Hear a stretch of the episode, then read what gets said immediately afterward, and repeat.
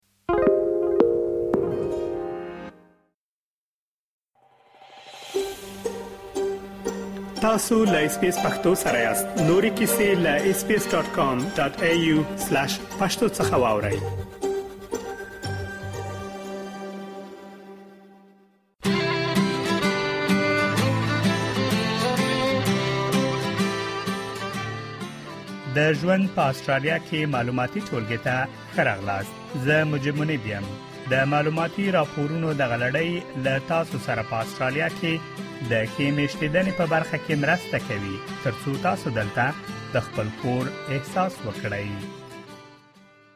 آسترالیا د اوړي په موسم کې یو په زړه پورې ځای دی مګر په کار ده ترڅو تاسو له اورلګیدنو، سیلابونو، ډوبېدو او د پوستکي له سرطان څخه په امن کې اوسئ. په دغه معلوماتي رپورټ کې مو د رخصتیو او د اوړي په موسم کې د خوندیتوب په اړه معلومات راغونډ کړي دي. په استرالیا کې د دسمبر، جنوري او فبروري میاشتې د اوړي میاشتې وي له همدې امله ښوونځي د دسمبر له نیمایي څخه د جنوري میاشتې تر پایه پورې رخصت وي د ښوونځیو د رخصتۍ پر مهال د کریسمس او نوي کال رخصتۍ هم راځي چې په دغه موده کې آسترالیان د سیل او چکر په موخه بیلابیل ځایونو ته ځي آسترالیا له لز زره څخه زیاتې سمندرغاړې لري د اوړي موسم بیا هغه وخت دی چې په آسترالیا کې خلک سمندرغاړو ته ورځي ترڅو ولامبي او له طبيعت څخه خوند واخلي مګر کچيري احتیاط ونشي نو له سمندرغاړو څخه خوند اخیستل په مصیبت هم بدلیدلای شي هغه کسان چې نوي استرالیا ته راځي هغه کسان چې نوي استرالیا ته راځي د استرالیا د اصلي اوسیدونکو په پرتله زیات په خطر کې دي رمزي حسیني شاوخوا وکاله مخکې هغه وخت چې د انګلیسي ژبې په زده کړه بوخت و د لایف سیوینګ وکټوریا ادارې د لامبو د زده کړې په پروګرام کې برخه اخیستي او اوس مهال په یاد ادارې کې کار کوي هغه وايي کوم کسان چې په بهر کې پیدا شوي د استرالیانو په پرتله 15 برابر زیات چانس شته ترڅو په اوبو کې ډوب شي ځکه دوی په خپل هیوادونو کې اوبه نه دی لیدلی او د اوبو له خطرونو څخه بې خبره دي که او نفرا کی از دیگه از بیرونی ملک مایه او نفرا پنج مرتبه بلند است که غرق شونه که او نفرا آدم اینج پیدا شته از این خاطر چون که زیادتر زیادتر آیسی از ملک مایه که آو را ندیده دریا را ندیده من دریا چی چی خطرات است ای چیزا را خبر نیه خغلی حسینی وای په استرالیا کی په هر ځای کی وبشته له همدی عمله پنځه ټکی به تل په پام کی ونیول شی هغه وایي کله چې تاسو لامبو ته ځئ نو یوازې مه ځئ له ځان سره داسې یو کس بوځئ چې له تاسو سره د ستونزې پر مهال مرسته وکړي د دې ترڅنګ له لامبو مخکې د سمندر غاړې هوا وګورئ او د سره او زیړ بیرغونو په منځ کې لامبو وکړئ همدارس په سمندر غاړې کې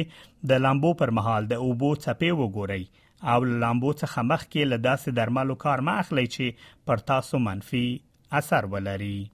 شمیرې ښیي چې په 2020 میلادي کال کې 248 کسان په استرالیا کې ډوب شوي چې اتیا سلنه نارینه و د رویل لایف سیوینګ ادارې شمیرې ښیي چې د 2019 کال د جولای او د 2020 کال د جون ترمنځ په یو کال کې شاوخوا 1500 کسان له ډوبېدو څخه ژغورل شوي دي د وکټوریا ایالت د کبنیونې له ادارې څخه ناتاشا ویلز وایي چې لامبو کبنیونه او کښتۍ چلول په استرالیا کې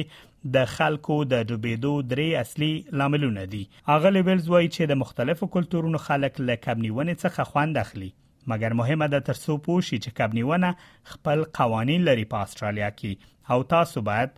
له هغو قوانینو اطاعت وکړئ ځکه کچیر تاسو اطاعت ونکړئ نو درنې جریمه لري So the cultural and linguistically diverse communities, many of them really enjoy fishing. It's part of their cultures from their from their uh, countries that they were born, so they enjoyed um, picking it up here. It's also important to know that there are fishing rules and you need to follow them because the fines are really large. So we don't want people to get in trouble because they don't understand what the rules are. اغلی ویلز وایي کله چې تاسو کب نیونې ته ځئ نو مهمه ده ترڅو تاسو داسې کسانو ته د خپل تک په اړه ووایئ چې هغه له تاسو سره نه ځي ترڅو غوي پوښي چې تاسو څه وخت ځئ او څه وخت بیرته راځئ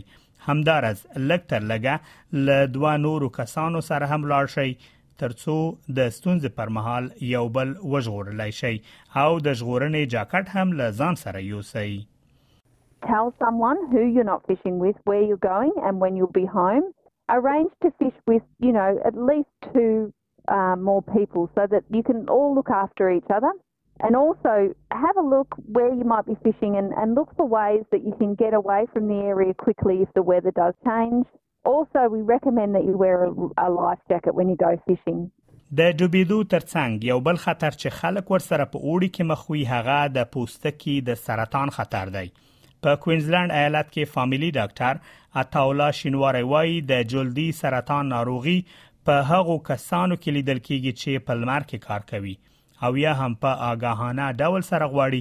ځان ته لمر وکړي. د پوستکي سرطان یو د هغه ناروغیو څخه ده چې معمولا په هغه خلکو کې پیدا کیږي چې هغه لمر ته ډیر دغه کیږي معروض کیږي یا د د کور څخه د باندې کارونه کوي او یا په آګاهانه ډول سره ځي بیچونو ته اول ته غواړي چې دا د ځان نور ته معروض کی چې بعض خلک دې ته په دې خاطر باندې د جلد رنګي تغییر شي او بعض خلک اسې د خپل خوخي په خاطر باندې دا کار کوي نو که چرته یو جلد نور ته ډیر زیات معروض کیږي معمولا دغه د نور چې ډیر شدید اوسیږي چې د د سهار د نه بجو څخه د ماسپخین تر درې بجو پورې نور ډیر قوي نو په دې وخت کې د جلد د زخمی کېدلو سبب کېدلی شي د جلد مونږ ورته ایجنګ ویو نه سره زوړ ښکاره کیږي او معمولا په جلد کې تغیرات منځته راوړي چې هغه به د سرطان سبب کیږي استرالیا د نړۍ یو له هغو هیوادونو څخه دی چې د پوستکي سرطان پکې زیات دی دا چې په استرالیا کې د پوستکي سرطان ولې زیات دی په دې اړه ډاکټر شینواری داسې وایي څو معمول فکتورونه دي چې دا د دې سبب کیږي چې په استرالیا کې سرطان زیات شي یو خو خپل د جغرافي موقعیت د استرالیا چې دی هغه د استوا د کرښې څخه دې خواته چې څوک اوسېږي معمولا دغه د نور شوا مستقیما دغې ته لکه په شکل د عمودي باندې ځمکې ته داخلېږي نو دا معنا چې دا د ځمکې د شوا تاثیرات ډېر زیات اوسېږي او ډېر قوي اوسېږي نو معمولا استرالیا کې د نور شوا ډېره زیاته ده نور ډېر ګرم دی دویمه خبره پکې دا ده چې په استرالیا کې زیات بیچونه دي او خلک معمولا د عنعنوي ډول سره دا خوښوي چې په رخصتیو په ورځو کې او د خوشحالیو په ورځو کې معمولا لاړ شي د بحر غاړو ته لاړ شي ساحلونو ته لاړ شي او هلته د هغې څخه استفاده وکړي د بحر د غاړو څخه استفاده کوي ځان معروض کوي نمر ته نو دا د دې سبب کېږي چې زیات خلک په دغه شي په د پوستکي په سرطان باندې اخته شي بله خبره پکې دا هم کېدلی شي چې استرالیا یو نوی هیواد دی زیات د پرمختیايي چارې پکې زیات دي د کنسټرکشن پکې زیات دي نو خلک معمولا د باندې زیات کارونه کوي نو هغه خلک چې زیات کارونه د باندې کوي معمولا هغه کې نور ته ډیر معروض کیږي او د پوستکي سرطان واقعیت پکې زیاتیږي او یو بل خبره هم چې معمولا دا ممکن د پیغام چې تاثیر پکې لري هغه دا چې د سکین د د د د وبخه د جلد د پوستکي خپل جوړښت دی معمولا د د پوستکي ناروغیګانی د خصوصا د پوستکي کانسر په هغه خلکو کې ډیر زیات چې هغه دوه طرفي السکن وي چې نازکه جلد ولري سپین جلد ولري ډاکټر شینواری وایي چې له جلدي سرطان څخه د خوندي پاتې کېدلو بیلا بیلې لارې شته د بیلګې په توګه اسانه لارې دا د ترڅو پوستکی پټ وساتل شي او یا هم له هغو کیمیاوي کریمونو څخه استفاده وشي چې د لمر تاثیرات په جلد کموي څو لارې دي خو د هغو څخه یوه لاره چې اسانترینه لاره ده چې موږ څنګه کولی شو چې خپل پوستکی وپوهو یعنی نور ته د معروض کېدو څخه مخنیوی وکړو د فرض مثال د مخ پوستکی موږ کولی شو چې د یو قسم خولۍ ګانې دي چې هغه یو دغه لري لکه یو پیک لري په خپل شاوخوا کې چې هغه کولی شي چې د نور مستق... د مستقیم مروز کېدل د جلد څخه مخنیوي وکړي او مخ ته د نور د د د خطر څخه وساتي دې څخه غیر اکثرا وخت بعضې ورونه چې هغه داسې کارونه کوي چې امکان نه لري چې ځان د نور څخه وساتي او مشکل یې ورته نو بعضې کیمیاوي طریقې هم شته چې هغه دغه د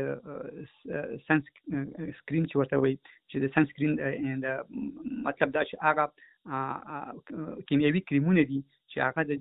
د نور تاثیرات په جلد باندې کموي په معمولا په بازار کې هم په دواخانو کې شته په درملتونونو کې مشته او عام په دغه سوپر مارکیټونو کې لکه په ولورت کې په کولز کې او حتی په نورو یوټیلیټي سټورونو کې هم پیدا کیږي ډاکټر شینواری زیاتوي چې سنسکرین بیلابېلې درجه لري لکه SPF 13 او SPF 50 هغه زیاتوي کچېره موږ غواړو جلد مو خو ساتل شي نو په کار د ترڅو له SPF 50 څخه استفاده وکړو دغه کریمونه نظر په دې باندې چې څومره قوي دي دا په درجو باندې ویشل شوي دي چې دوه ته اس پی دیش او اس پی اف دیش اس پی اف پنځوس وي نو حد اقل دغه اس پی دیش دا خدي مګر کوم غواړو چې کاملا ډیر وساتل شو نو به اس پی اف پنځوس چې دا سنس پروټیکشن فیکټر 50 دا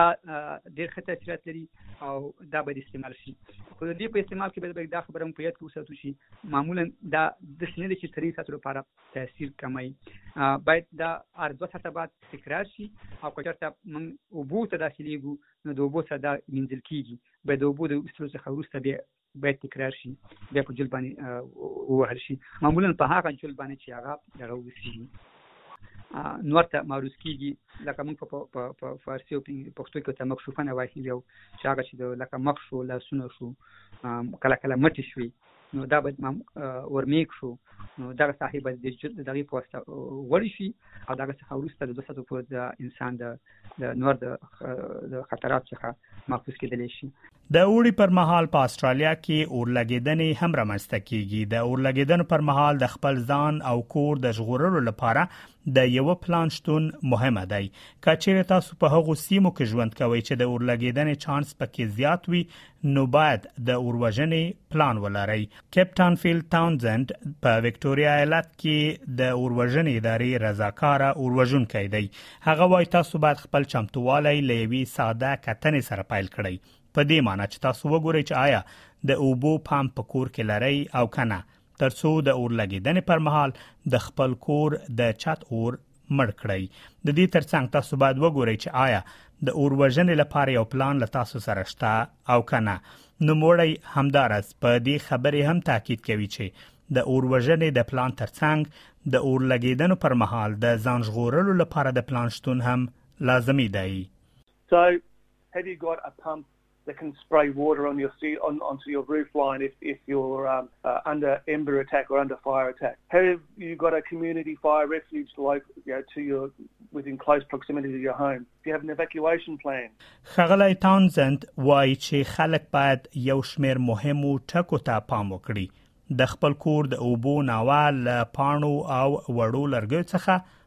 پاک کړي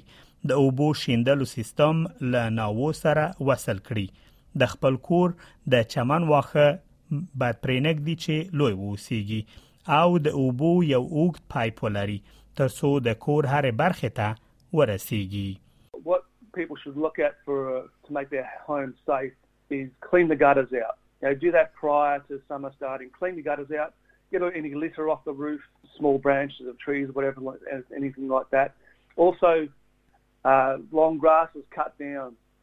have an evacuation plan, as I said before. Make sure that everyone in the household knows your evacuation plan. Practice it if you have to. په خپل ایالت او سیمه کې د اوروژنې ادارې له ویبپاڼې څخه لیدنه وکړئ او د خپل کور د ژغورلو په اړه لازم معلومات ترلاسه کړئ که چیرې تاسو غواړئ په خپل ژبه د اوروژنې خدماتو په اړه معلومات ترلاسه کړئ نو د ژباړې خدماتو ادارې ته په 1450 شمیره زنګ ووهئ ډیره زیاته مننه چې تاسو دغه ریپورت ته غوږ وئ